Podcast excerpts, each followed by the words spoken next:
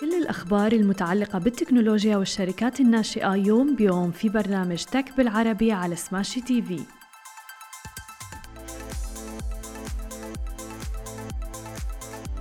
صباح الخير وأهلا وسهلا فيكم ببرنامجكم Tech بالعربي. معكم أنا هالة بسام ومعنا بخلف الكواليس علي وشهير. وبداية خلينا نحكي بأهم العناوين اللي رح نحكي فيها بنشرتنا لليوم. بداية بدنا نحكي عن Apple اللي عم بتصنع iPhone في الهند الآن وأبو ظبي القابضة اللي عم تدعم الشركات الناشئة التكنولوجية ومنصة Game Sports اللي تحصد على تمويل جديد. وبداية طبعا بدنا نبدأ أخبارنا بعملاقة التكنولوجيا شركة Apple بدأت شركة Apple الآن في في تصنيع هاتفها الجديد iPhone 14 في الهند تحديدا في وقت أقرب مما كان متوقع وكان بعد طرح سلس ومفاجئ للإنتاج. ونجح في تقليص الفارق بين الإنتاج الصيني والهندي من أشهر إلى عدة أسابيع فقط. جاء إعلان عملاق التكنولوجيا الأمريكي يوم الاثنين بعد أسابيع من الفعالية البارزة للكشف عن الجهاز بتاريخ 7 سبتمبر تحديدا. وأيضا بالإضافة إلى ذلك قالت الشركة أن عملت مع Foxconn Technology Group اللي هي أهم شركائها في الإنتاج وفقا لاستراتيجية أصلية تمثلت في تجميع أجهزة iPhone في آه، تشيناي بعد شهرين تقريبا من الإطلاق العالمي.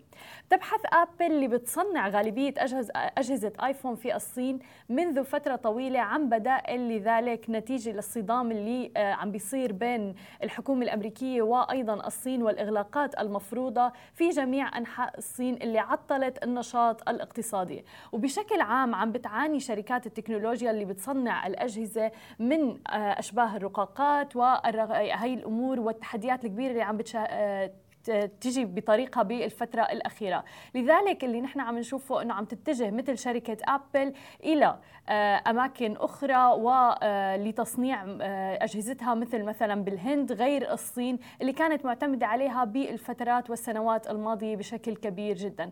ولكن المشاكل اللي عم بتصير بين أمريكا والصين أدت إلى وجود حل بديل مثل تصنيع أجهزتها في الهند. Guys, we love smashy business news, but Augustus Media is much more than that.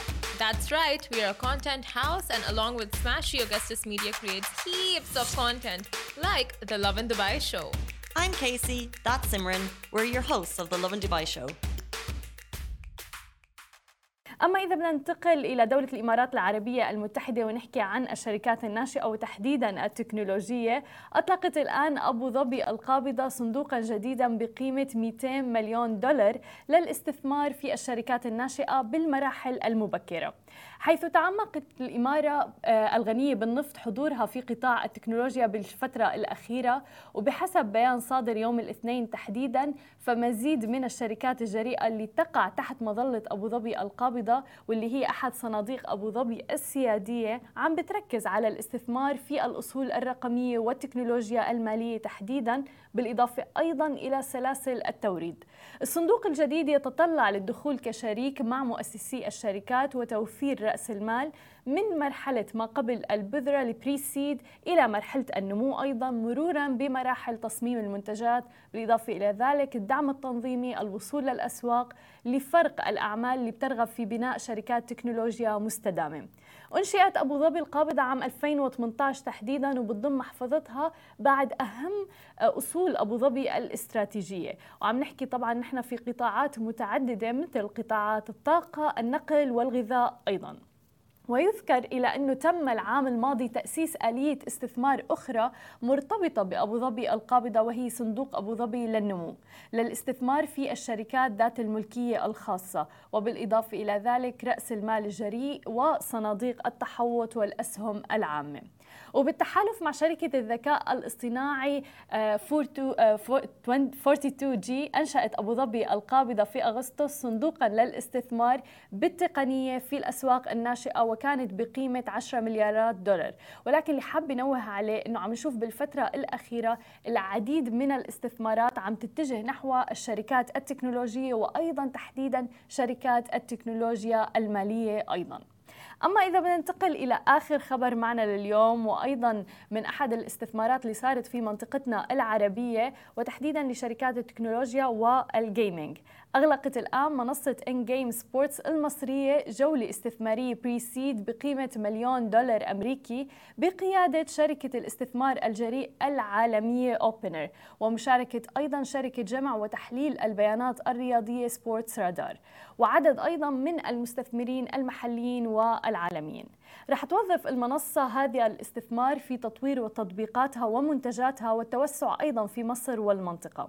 وتأسست منصة InGame Sports للألعاب المتخصصة في توقعات مباريات كرة القدم تحديدا في مصر عام 2021 وبتيح المنصة لعشاق ومحبي كرة القدم التفاعل مع المباريات اللي بيشاهدوها وتولي زمام القيادة عبر وضع تشكيلات الفرق الرياضية وتوقع نتائج المباريات وكذلك أيضا التنافس فيما بينهم للفوز بجوائز التوقعات الصحيحة.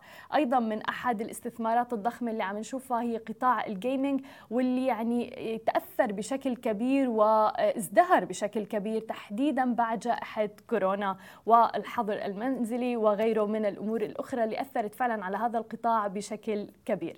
مثل ما وعدناكم أخبار جديدة ومقابلات مع رواد أعمال يوميا في برنامج تك بالعربي على سماشي تي في. حملوا التطبيق الآن.